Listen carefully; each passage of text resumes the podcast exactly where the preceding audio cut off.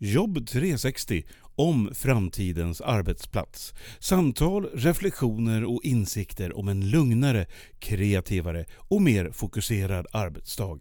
Inbjudna gäster tillsammans med Pia Andreasson och hennes kollegor från Direxio.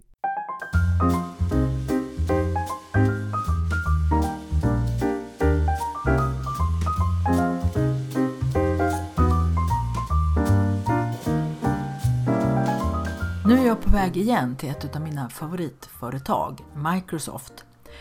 Tidigare i podden har du lyssnat på Henrik Byström som berättade om hur Microsoft jobbar för att bidra till att allas våra vardag på jobbet ska bli enklare och smidigare. Idag ska jag träffa Ulrika Jonsson och hon är affärsutvecklare inom digital HR. Och det där tycker jag förstås låter jättespännande. De två orden tillsammans, digital och HR, innefattar ju en utmaning idag när vi går mot mer och mer digitaliserade processer och det blir allt viktigare att man bygger digital kompetens i företagen. Så det här tänker jag fråga Ulrika mer om hur hon tänker att vi ska jobba med i framtiden.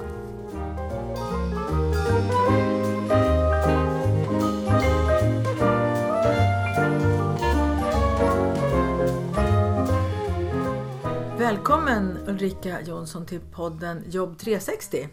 Tack så mycket! Och du är affärsutvecklare här på ett av mina favoritföretag. Det är ju Microsoft. Åh, vad snällt. Det var ja, bra. jag är ju så förtjust i era produkter och jag ser ju hur att man inte använder dem på den nivå som de faktiskt kan leverera. Så jag är ju Mm. ute och missionerar om det. Det som du jobbar med här på Microsoft, du är affärsutvecklare inom digital HR. Ja. Och det säger ju sig inte självt vad det Nej, innebär. det är inte helt tydligt. Berätta lite Eh, mer. Va, ja. va, vem du är från början så här och vad du gör här. Och Ja, och jag kan väva ihop det kanske. Eh, Jag har ju jobbat med HR i hela mitt yrkesverksamma liv i ja, 25 år eller vad det kan vara. Och jag har också haft förmånen att jobba inom Microsofts HR-team i Sverige. Eh, Jag har varit på Microsoft i sju år nu och de fyra och, och ett halvt första åren så jobbar jag som en HR-businesspartner. Och under de här åren så har Microsoft som bolag gått igenom en enorm transformation, vilket vi fortfarande gör. Men där vi helt och hållet faktiskt byter vår affärsmodell och hur vi tjänar våra pengar. Eh, och vi har som en del av det då transformerat vår kultur. Vi har sett väldigt mycket på hur vi eh, jobbar med hela performance-modellen, hur vi eh, liksom bygger våra roller, hur vi mäter våra roller. Det har varit e-, enormt stora förändringar som har med people att göra. Mm. Och det här är ju någonting som alla företag står inför, att man måste ändra hur, Exakt! hur, vad man levererar till kunderna helt enkelt. Ja, och då blir det ju exakt. de här förändringarna i hela kulturen. Och Mm. Hur ska vi få över alla till att nu se på saken på ett, på ett annat sätt? Mm. Ja men precis och det, och det är väl kanske därför vi valde att investera i den här rollen som faktiskt är den enda som finns eh, på Microsoft globalt än så länge. Där vi ser HR hos våra kunder som en sån nyckelposition för att driva förändring. För att digital transformation, det säger vi hela tiden, det handlar inte speciellt mycket om teknik egentligen utan det handlar om människor som ska jobba på nya sätt. Och där behöver vi kunna vinna medarbetares liksom förtroende och engagemang i de nya sätten att jobba. Men vi behöver också se till att vi anpassar våra mm, people-strategier så att vi verkligen driver liksom förändringen åt rätt håll. Ja, det här är ju, jag hör ju det här på väldigt många ställen att det handlar inte om tekniken, det handlar om Nej, människorna. Det är precis. flera bakåt i de andra poddavsnitten som har sagt samma sak. Mm. Och det spelar ingen roll egentligen vad man har för teknik så länge inte människorna kan använda det så- funkar det ändå inte. Jag brukar Nej. säga ibland får jag en känsla av att det, digitalt sett så är det som att man har ställt tio stycken Ferraris med nycklarna i utanför företaget och så talar man om för alla att nu har vi Ferraris. Mm. Eh, Och sen så gör man inget mer.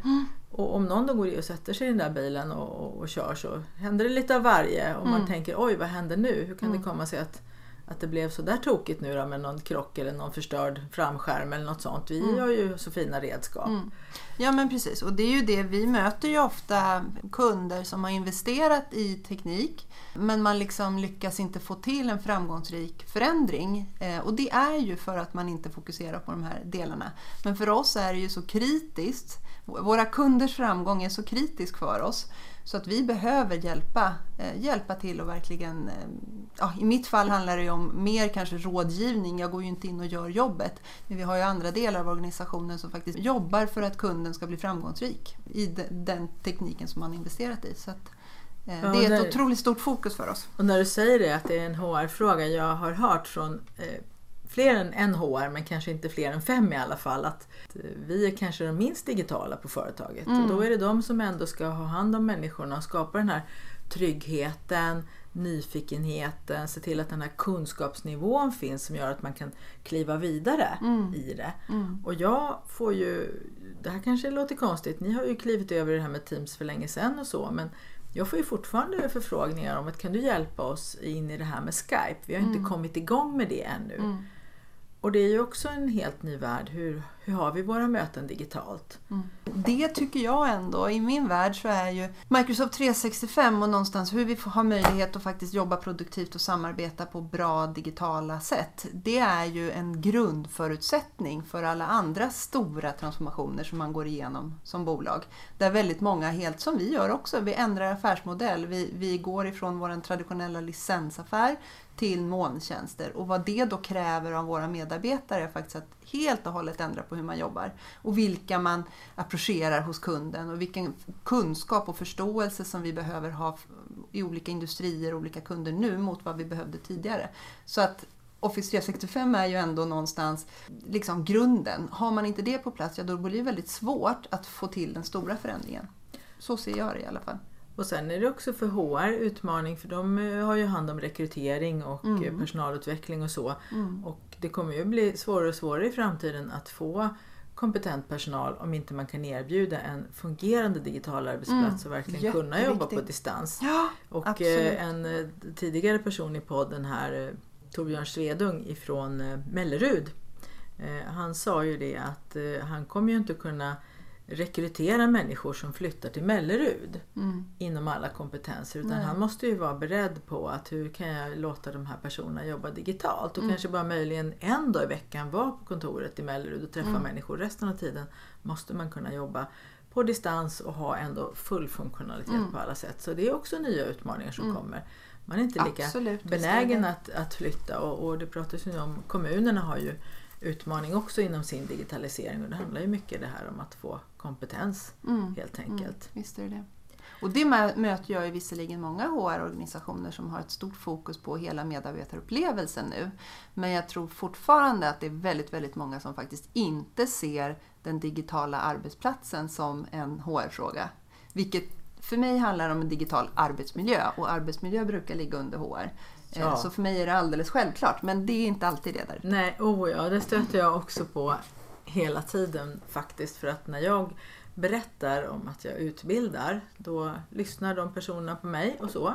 Och sen berättar jag vad jag utbildar i och då handlar det om stresshantering och att minska eh, ha mera koll helt enkelt mm. för att minska stressen och få, få bättre lugn i tillvaron. Mm. Eh, och sen nämner jag att redskapen i detta som jag lär personer att använda är Outlook och OneNote mm. bland annat. Brukar jag säga lite för att linda in det lite. Och direkt när det kommer namnen på programvaror mm. då är det många HR som säger ja, ja men då ska du prata med IT. Mm. Och IT säger naturligtvis nej men vi har inte ansvar för utbildning, vi driftar nej. ju systemen. Nej, man måste jobba och där tillsammans. studsar det väldigt mm, mycket. Precis, så att eh, jobba tillsammans och, och, förstå att det här är en del, mm. som du säger, precis jag skulle säga arbetsmiljön. De, ja, precis. Och jag skulle säga att de bästa utrullningsprojekten nu, om man pratar egentligen oavsett vilken typ av, vilka produkter man rullar ut, så skulle jag säga att de flesta, bästa projekten är ju när både IT, HR och även kommunikation är med i projektet. För då täcker man stora delar av, gärna strategi också.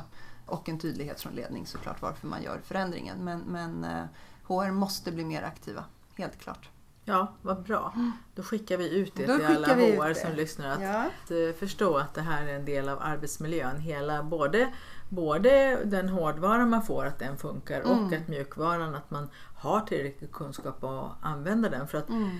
Också någonting som vi konstaterade tidigare i podden, det är det här att man får ju ofta när man fyller i sådana här eh, frågeformulär på rekryteringssidor och så, så får mm. man ju kryssa i om man behärskar Office-paketet eller inte. Mm. Och då gör ju många det. Mm.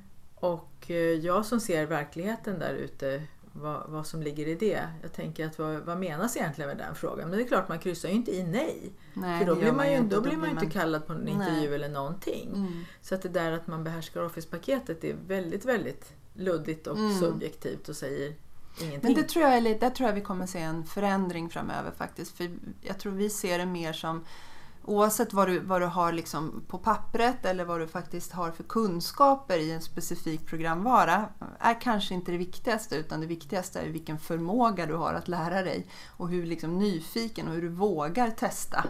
Eh, ofta på arbetsplatserna så har vi en helt annan digital både mognad men eller ännu mer kanske förmåga att testa. För på, på arbetsplatsen eller hos min arbetsgivare så ser jag att ja, men jag, ska, jag har inte fått utbildning i det eller jag har inte fått den policyn eller den riktlinjen. Medan privat så har vi ju inget problem att använda olika appar för att beställa leksaker eller resor eller vad det kan vara för någonting. För där vågar vi testa. Precis. Ehm. Och där har ju också kanske utvecklarna tänkt eh, mer att det här ska ju någon kunna behärska som inte vet något. Mm. De ska kunna öppna den här appen och kunna förstå automatiskt. Men också är det ju ganska enkla tjänster. De programvaror vi har på jobbet är ju lite mer komplexa och ska kunna göra mer saker. Så kan det Och absolut där kan vara. det behövas lite mer input. Ja. Men jag får fortfarande visa människor att ja men vad gjorde du där för någonting? Ja men det är en liten liten pil där som du får en meny. Jaha! Mm. Eller de här tre prickarna längst ner i programmet, klicka på dem. Eller ta en högerklick där så, så får du upp lite alternativ. Mm. Alltså människor som inte är vana vid att testa det. Utan man gör precis som man alltid har gjort och Mm. inget mer. Och den här att, våga, att våga göra, testa. Mm. Göra och testa och prova igen och vara trygg med att det kan inte gå fel. Den Mm. behöver man bygga upp väldigt mycket hos människor för att få den här det här som du säger, att våga lära sig mer. Mm. Aha, jag listade ut det här. Ja, men Mm. då, vad kan jag mer lista ut? Ja men precis och så Och länge inga, inga dramatiska farliga saker kan hända så, så är det ju bra att testa sig fram. Precis, och det får jag också att se. Det kan inte, du kan inte förstöra Nej, något. precis. Du, du kan inte liksom, eh, och det är ofta sant så, så det kan man nog säga. Mm. Eh, En sak som jag funderar på nu och har sett på senare tid det är ju att Microsoft har börjat ta fram egen hårdvara. Alltså, man ser nu datorer med, med Microsoft-märket på. Mm. Inte ett äpple eller, som jag har på min, jag har två bokstäver, jag tycker mycket om HP. Utan nu får man de där fyrkanterna också. Ja. Och det, jag var lite förvånad. Hur kommer det sig att Microsoft programvaruföretag nu satsar på att ta fram hårdvara också? ja, det finns ju såklart många olika anledningar till det och vi har också gjort det i flera år men någonstans så hänger det ihop med det moderna arbetssättet som vi ser kräver också modern hårdvara. Det kräver att ha hårdvara som både hjälper oss att, med säkerheten, självklart. Att eh, om vi nu rör oss, är mobila och rör oss runt så måste vi också ha säker hårdvara. Vi behöver också ha bra liksom, skärmar för att kunna underlätta kommunikation, underlätta innovation, kreativitet och sådana saker. Och jag vet att vi har utmanat våra OEM-partners för att verkligen få till eh, vad ska man säga, kunna utveckla innovativ, innovativ hårdvara. Nu sa du något Ehm, OEM-partners där, vad är det för något? De ni jobbar med? Ja men exakt, det är de som då säljer hårdvara. Eh, Ah. HP ett Ja. exempel. Ja. Och någonstans kanske man känner att man får inte det drivet kanske hos en mängd partners i hårdvaruvärlden och så tänker man nej men vi gör det själva också då får vi se om vi... Det är inte säkert man kan bli duktigare för Mm. nej, det. nej, nej, och det måste, har vi ju man måste ju väldigt testa. bra exempel på också. Men om man tänker Surface då som är våra, våra eh, datorer. De gör ju vi för att kunna visa det bästa med Microsoft 365. Så våra utvecklare och ingenjörsteam de sitter ju ihop och testar alla nya funktioner på Microsoft 365 för att se eh, och de gör det först på Surface för att se att det, att det blir bra. Liksom. Jag skulle också säga att tillbaka till HR och varför jag även ser faktiskt hårdvara som en HR-fråga. Det är ju också om du ska vara en attraktiv arbetsgivare och möjliggöra både att vara inkluderande till alla men också faktiskt kunna ge alla de bästa förutsättningarna att göra ett bra jobb. Ja, då ska man faktiskt även fundera på vad det är för typ av hårdvara och vad det är för datorer man, man eh, ger till sina medarbetare. Ja, och där har jag ett exempel som jag har plockat med mig lite här och därifrån men även i min egen värld. Eh, något så basic som tangentbord. Mm. De kan ju låta väldigt olika och vara Mm. väldigt olika att skriva på. Och eh, jag kommer ihåg för några år sedan köpte jag en ny dator och det tangentbordet var ju magiskt. Mm. det var så lätt att skriva på så att det nästan var så att jag tänkte tanken och så syntes den på skärmen. Och jag Ja, märkte inte ens hur den flöt igenom fingrarna för att tangentbordet var så mottagligt. Ja.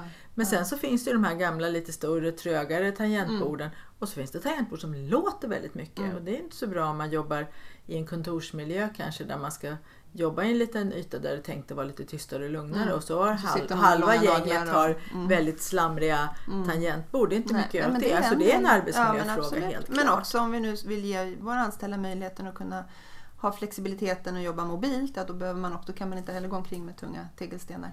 Nej, det ska vara Men- bärbart och inte släpbart. Ja men exakt, verkligen. Men sen har vi också såklart eh, faktiskt eh, tuffa exempel på när vi inte har lyckats. Eh, vi gjorde ju ett väldigt tappert försök genom att köpa Nokia för att också ge oss in på den mobila, vara med i den mobila revolutionen.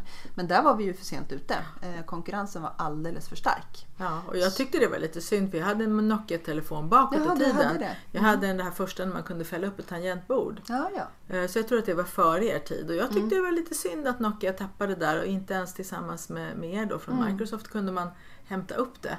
Men vi, då får vi leva med det vi har då. Det är inte dåligt minsann det heller det vi har det idag. Nej, precis. Eh, Men du berättade för mig förut att ni har också en tanke som jag tror inte många känner igen. Det här med anpassade eh, funktioner. Alltså att man ska kunna Mm. använda era programvaror och hårdvaror eh, även om man har olika typer av funktionsvariationer och behöver olika typer av stöd. Mm. Ja, men det är ett otroligt stort fokusområde för oss och det är väldigt starkt kopplat till vår mission, vad vi vill som bolag. Och det är ju att möjliggöra för varje person och varje organisation på vår planet att nå sin fulla potential. Och det inkluderar alla.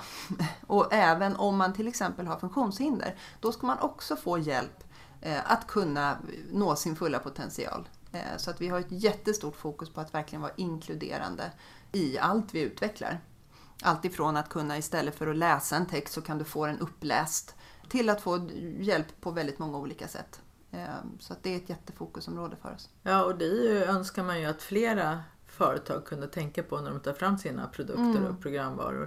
Men det är tyvärr också ett jobb som inte kanske syns så mycket Nej, för ju. oss som inte har någon funktionsvariation. Vi ser ju inte de där fördelarna. Nej. Eh, Jag fick veta av, av din kollega Henrik Byström när han berättade att det finns ju en funktion där jag kan testa mina powerpoints om de är okej liksom för, för i det här avseendet. Ja, jag har inte gjort det ännu för jag gör ju powerpoints med bara max sex punkter och stor stil och ingen, Mm. inte massa bilder och bakgrunder och sånt utan väldigt rent och tydligt och, Mm. och får faktiskt ibland eh, en och annan person som säger att det här var ju väldigt bra. Mm. Eh, Och sen när jag sitter på andra presentationer och tittar och tänker på det, då är det mycket snygga foton i bakgrunden och väldigt mycket text och så. Då tänker jag att ja, men här finns det förbättringspotential. Ja, och det har vi Absolut. säkert alla tänker jag. Men någonstans att, att, att ändå ha det i åtanke hela tiden, då har man kommit långt. Liksom. Vi kan inte bara förutsätta att alla har samma förutsättningar, utan Nej. vi måste kunna vara lite mer, ha en större mångfald där. Och där hade jag två personer i en tidigare podd, Ann och Lena, som berättar just om hur man anpassar arbetsplatser för det som passar Mm. för alla. Det som är bra för, för de som har funktionsvariationer och så, det är bra för alla. Om man tänker till på det Mm. Ja, viset. precis, Bättre, precis. bättre för alla människor. Ja. ja, och tillbaka igen till, jag menar om vi nu vill kan man säga, inkludera alla och vi ser ju också vikten av att ha en mångfald i våra team internt för att vi måste kunna representera hela världen eller representera så som världen ser ut. Gör vi inte det så kan det också ha en väldigt negativ effekt på vår innovationskraft till exempel. Vi vet att ju mer mångfald i teamen desto större innovationskraft blir det med ju fler olika infallsvinklar. Så att eh, den är ju viktig ur många olika. Ja, och det är ju forskat och bevisat så där kan, Ja. ju inte, där kan man ju inte säga så mycket emot Nej. det utan ju fler, Det är så precis självklart. som du säger. Mm. Eh, En annan sak som jag är lite nyfiken på och tänkte ta upp det är ju att det finns ett verktyg inom Office 365 då som heter Analytics. Mm.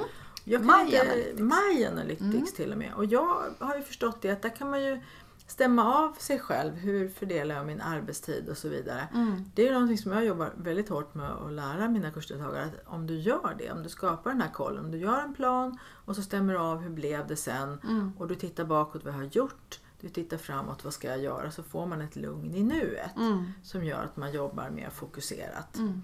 Eh, Och det berättar mina kursdeltagare att, att tar man verkligen tag i det där och gör det så uppstår ju det här lugnet. Att just nu här mellan klockan ett och klockan två eh, idag som är en fredag. Då vet Mm. jag att jag sitter här med dig Mm. och, och har det här poddsamtalet. Och det är precis rätt sak att göra nu. Jag behöver inte tänka på vad jag gjorde i förmiddags. Jag behöver Nej. inte tänka på vad jag ska göra när jag kommer tillbaka Mm. till kontoret. Utan här och nu. Mm.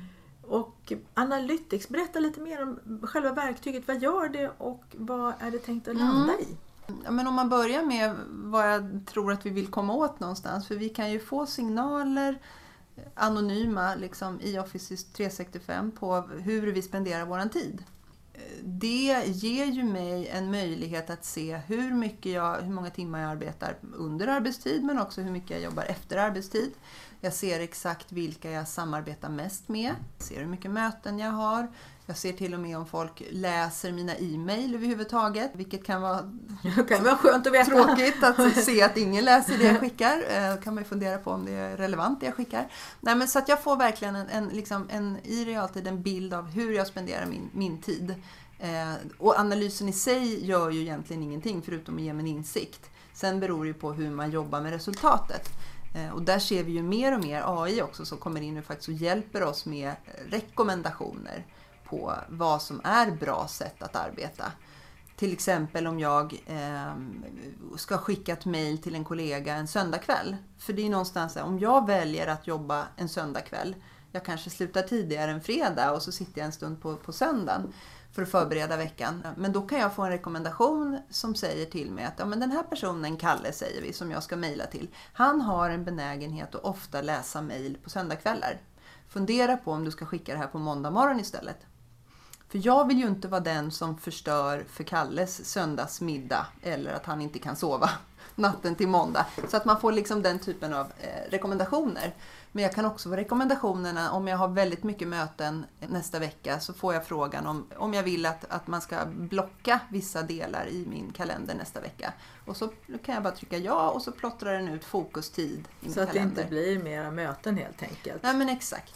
Och det är ju Ehm, det som jag rekommenderar mina kursdeltagare att göra manuellt så att säga. Göra Ja. de här Och eftertänksamheten mer och och så. hjälp. Och då kan man det. få stöd i det. För Ja. att eh, Jag brukar ta det som exempel. Är det någon som har fått ett mail en fredag och eh, någon eh, ja, intern eller extern människa säger att ja, kan, det här, eh, kan du hjälpa mig med det här? Och då tar man det och så försöker man vara schysst och så Mm. sitter man och jobbar en timme med det och kanske blir försenad med sitt eget. Mm. Kommer en halvtimme senare från jobbet en fredag och får jäkta och så.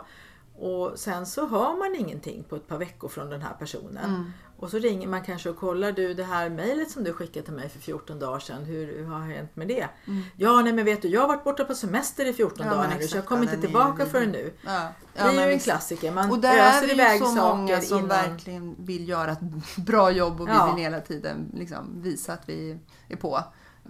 Och då kommer vi ju tillbaka igen till att den här analysen i sig hjälper det ju inte med det utan det Mm. handlar ju om ett självledarskap som faktiskt också att kunna prioritera och kunna liksom, eh, ja, faktiskt också planera in tid för återhämtning och så vidare. Mm. Som är super, super viktigt. Det är ju hela change-perspektivet. Men att kunna ändå få en analys och en insikt i att även om jag står på lekparken en lördag förmiddag eh, nu har jag stora barn så de är inte där längre, men tidigare så mm, även om jag bara kollar mejl på mobilen, ja, då får jag ju se det att du har inte ens på helgen riktigt fri tid utan du, gör det, du liksom jobbar även på helgen. Ja. Det kan ju ändå få en att tänka efter lite. En, eh, en organisation som ser att här sitter våra medarbetare i möten 40% av tiden. Eh, Kanske ledningen då funderar på och tänker att nej, men det här är ganska relevant utifrån hur vi bedriver vårt jobb. Människor ska sitta i möten och jobba och prata och träffa kunder och så vidare. absolut. Eh, Men medarbetarna själva kanske upplever att det är mycket och då kan ju ledningen Mm. säga att men, som vi ser det overall så, så spenderar vi lagom mycket tid i möten. Sen får man Mm. själv förstås Mm. vara en person fundera på hur det ser ut i ens eget liv. Mm. Men Ja, och- vi, vi från ledningen ser inget problem med mötestid. Nej. Och jag har ju träffat chefer som har gått kurs med mig som efteråt säger att men förut tyckte jag att jag hade mycket möten men nu har jag förstått att jag bedriver ju mitt chefskap mycket genom att sitta i möten. Mm. Ja, jag driftar 13 olika projekt genom att sitta i olika möten och få de människorna att rulla det här. Mm. Så det är så mitt jobb ser ut. Och då fick de ett lugn i det. Då var det inte en massa möten längre utan då var Mm. Exakt, då det, var det här det- hur jag jobbar. Ja, ja, men absolut så är det ju garanterat för många olika roller. Men jag tror att det kan vara viktigt att påpeka här att den här analysen då som vi pratar om, Analytics, den är ju helt konferentiell. Så att det är bara jag själv som ser min analys. Min chef kan inte se, för det får jag ofta frågan. Det är ingen storebror liksom att man kan titta på sina medarbetare hur de spenderar sin tid utan den är helt konfidentiell. Däremot kan jag ju välja att dela den med, mitt, med min chef om jag ska ha ett utvecklingssamtal. Och, till, och visa, så här ser det ut. Hur, hjälp mig att prioritera. Ja. Ehm, vi kan ju också se som chefer så är man ju oftast kanske dubbel eller trippelbokad samtidigt. Och man, väljer, man kan ju bara fysiskt gå på ett möte i alla fall. Eh, då kan man ju fundera på hur, hur, hur blir kvaliteten i de möten där chefen i sista sekund väljer att inte gå på? I form av att kunna fatta beslut eller vad det kan vara för någonting. Mm. Så det finns ju väldigt många, och jag tror framförallt för chefer, väldigt, väldigt bra verktyg att faktiskt också kunna se Spenderar jag lika mycket tid på alla i mitt team? Man kan, det finns en bild som är otroligt tydlig när man ser hur många halvtimmar man spenderar på varje liksom, kollega eller medarbetare. Mm. Vilket också, det kan ju vara så att den som skriker mest får mest tid. Eh, men där kan jag verkligen se, är, spenderar ungefär lika mycket tid? Eller ser det, lika, ser det ut så som det borde se ut? Ja, och Eh. där får man ju ta individperspektivet förstås. Ja, alltså, det kanske ska vara två timmar med någon och en halvtimme Absolut, med någon annan. Man kanske har resonerat om det och då kan man ju stämma av det. Mm, mm. Inte att det, att det är rättvist på, på behovsnivå, inte Mm. på minutnivå. Nej. Det är också ofta en fråga som jag ställer till chefer för de har ju ofta väldigt mycket att göra. Jag brukar säga så här, när du tog det här jobbet som chef, pratade ni då något om hur mycket tid du ska spendera med dina medarbetare Mm. per vecka? Mm. Och väldigt ofta så får jag ju svaret att nej, det gjorde vi inte. Mm. Nästa fråga är, vad tycker du själv skulle vara rimligt? Hur mycket tid ska dina medarbetare ha av din tid per vecka? Mm. Och då säger de, ja någonstans runt en eh, halvtimme, en timme skulle man väl ändå kunna tänka sig att man som medarbetare får med sin chef. Att Mm. bolla olika saker och få feedback och sånt. Ja, säger jag, du har 12 medarbetare, det är en och en halv arbetsdag. Mm. Oj, säger de då. Mm.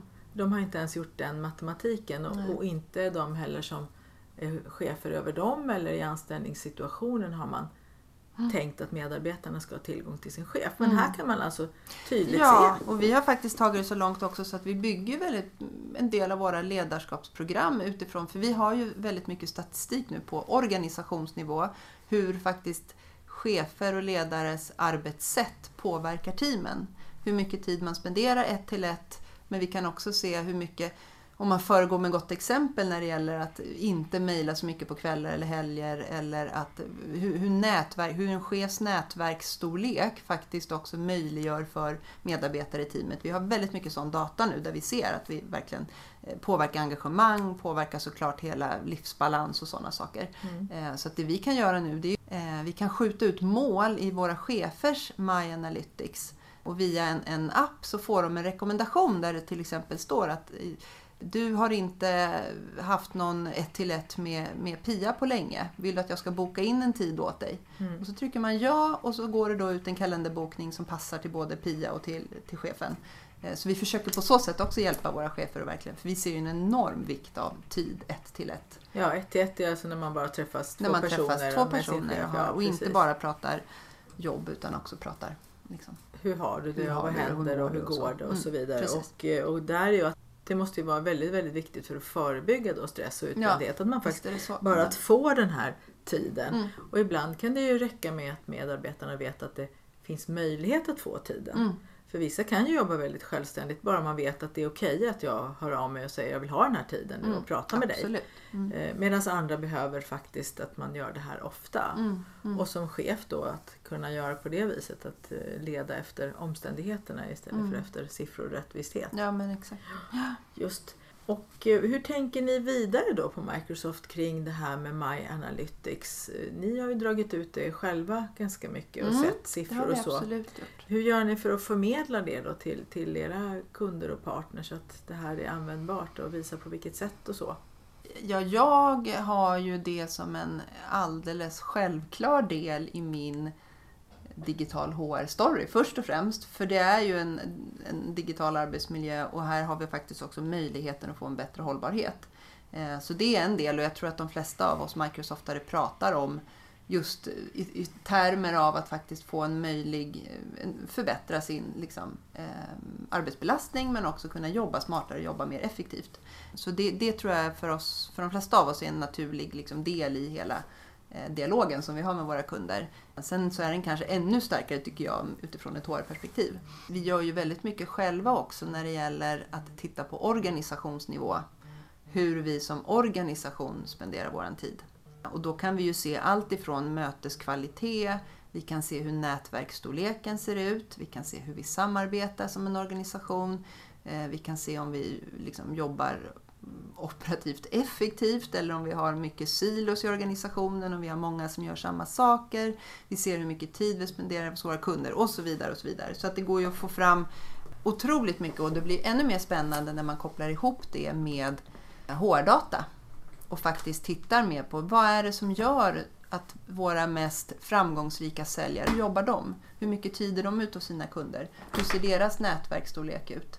Vad är det som skapar engagemang? Också om vi skulle vilja titta på dem eh, utifrån de som säger upp sig. Vilken typ av arbetssätt har de? Nu tittar vi ju aldrig ska jag säga, på individnivå utan vi tittar på global nivå hos oss.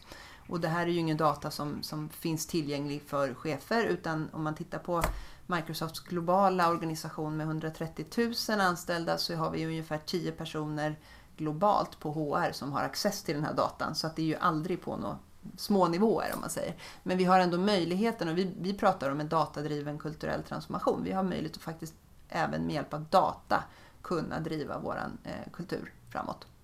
Ja, för om man ser att det här, det här ser ut att vara någonting som vi behöver ta tag i mm. så kan man först analysera data på, på hög nivå, mm. se hur det ser ut och sen så kan man då lägga in algoritmer som till exempel säger nu har inte du träffat Stina på tre Exakt. veckor. Mm. Om jag då vet att ja, men det beror ju på att Stina har gjort det här och det här. Vi är mm. överens om det. Ja, då behöver då jag inte bry mig om det. Nej. Men eh, jag kan också få en tankeställare. Mm.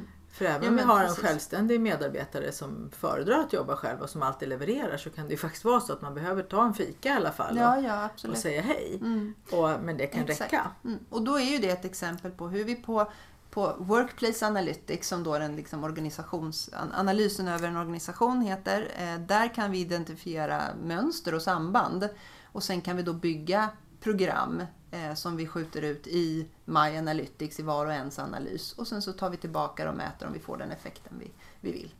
Men tillbaka igen till att det handlar ju bara om signaler på hur vi samarbetar. Jag tror vi kan få upp till 140 olika KPIer. Eh, det handlar ju inte om vad är det för innehåll som vi sitter Vi sitter ju inte och tittar på innehåll eller vad mejlar folk till varandra eller så vidare. Utan det här är verkligen bara signaler på hur går, liksom, hur går signalerna i Office 365. Så att det är ju extremt konfidentiellt eh, såklart. Det kan nog... Ja men det är jättebra att mm. det är det. Då man behöver ja, känna sig nej, trygg. Ingen... Vi pratade också om det innan, att det här med ja. trygghet. Eh, ja. Att, att kunna känna sig trygg i det mm. man gör. Mm. Eh, det är ju det som gör att man också blir kreativ och, och ja, jobbar effektivt. Verkligen. Och där är det ju viktigt som organisation då att faktiskt också vara transparent med vad är det vi tittar på och varför. Och framförallt vad tittar vi inte på? Liksom, så att inte medarbetare känner ett, ett obehag i att vi tittar på saker som vi inte ska. Eh, så att det där är ju eh, extremt viktigt skulle jag säga. Om du får avsluta nu här då med att ge tre eller två eller råd här nu till alla HR-kollegor ute på företag.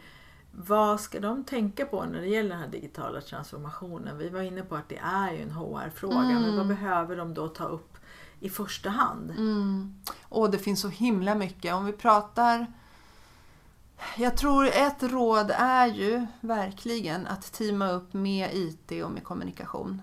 Väldigt många HR-avdelningar eh, som vi inledde med tittar ju på hela medarbetarupplevelsen om man vill ha en attraktiv medarbetarupplevelse. Men man kanske inte vet vilka typer av projekt som IT driver. Så jag tror någonstans att teama ihop där och verkligen tillsammans bygga på den bästa medarbetarupplevelsen. Är, jag har ju mött kunder där HR-avdelningen vill ge en personifierad medarbetarupplevelse men inte vet att IT samtidigt eh, tittar på att eh, rulla ut Office 365 till alla medarbetare till exempel. Och för mig är det så att då har man en jättevinning i att göra det tillsammans. Ja. Men också få mer kommunikation för någonstans så måste vi hela tiden kommunicera.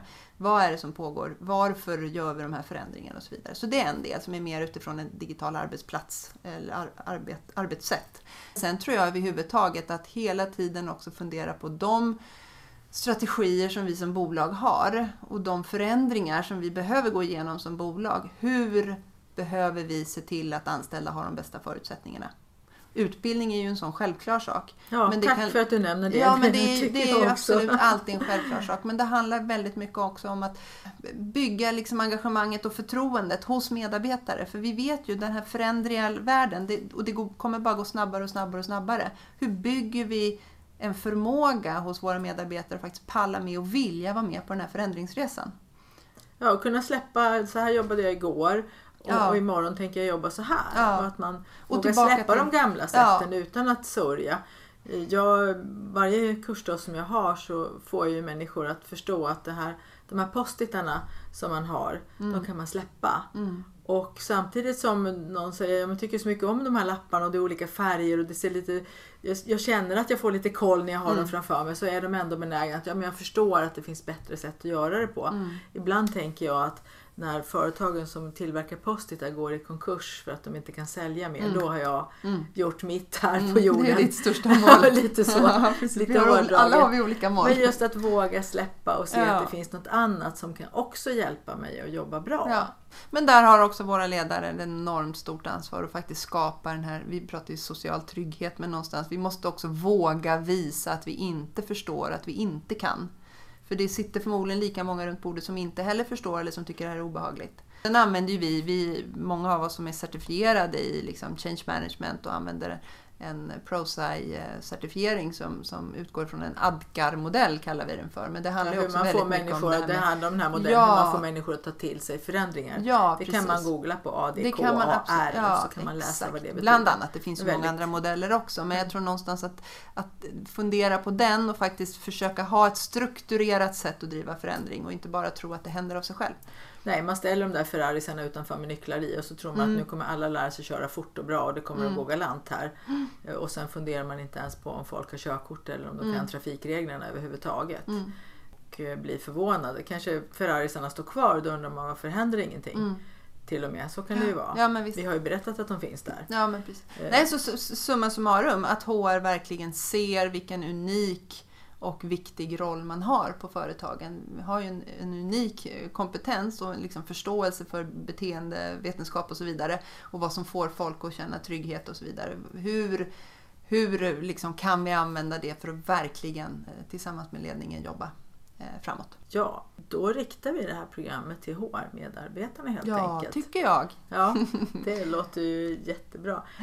Eh, Då säger jag tack till dig Ulrika att jag fick komma hit och prata med dig om, Tack om Pia. Microsoft som jag tycker så mycket om också. Ja, det gillar ju vi att du gör det. Ja, men tack ska du ha. Tack snälla.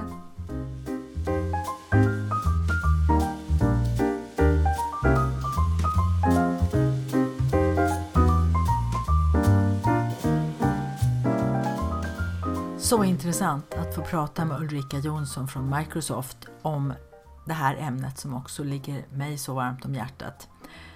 Digital transformation och att det handlar om människor som jobbar på nya sätt i de här nya digitala verktygen som vi har idag. Hon betonar också det att HR måste bli mer aktiva i den här processen, att det handlar om en arbetsmiljöfråga.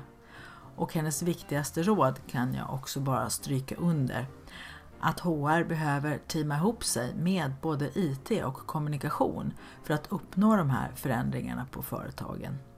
Så du får gärna höra av dig till mig, Pia Andreasson, om du vill resonera mer kring det här om hur man kan främja digital transformation på företag. Tack för att du lyssnar på Jobb 360.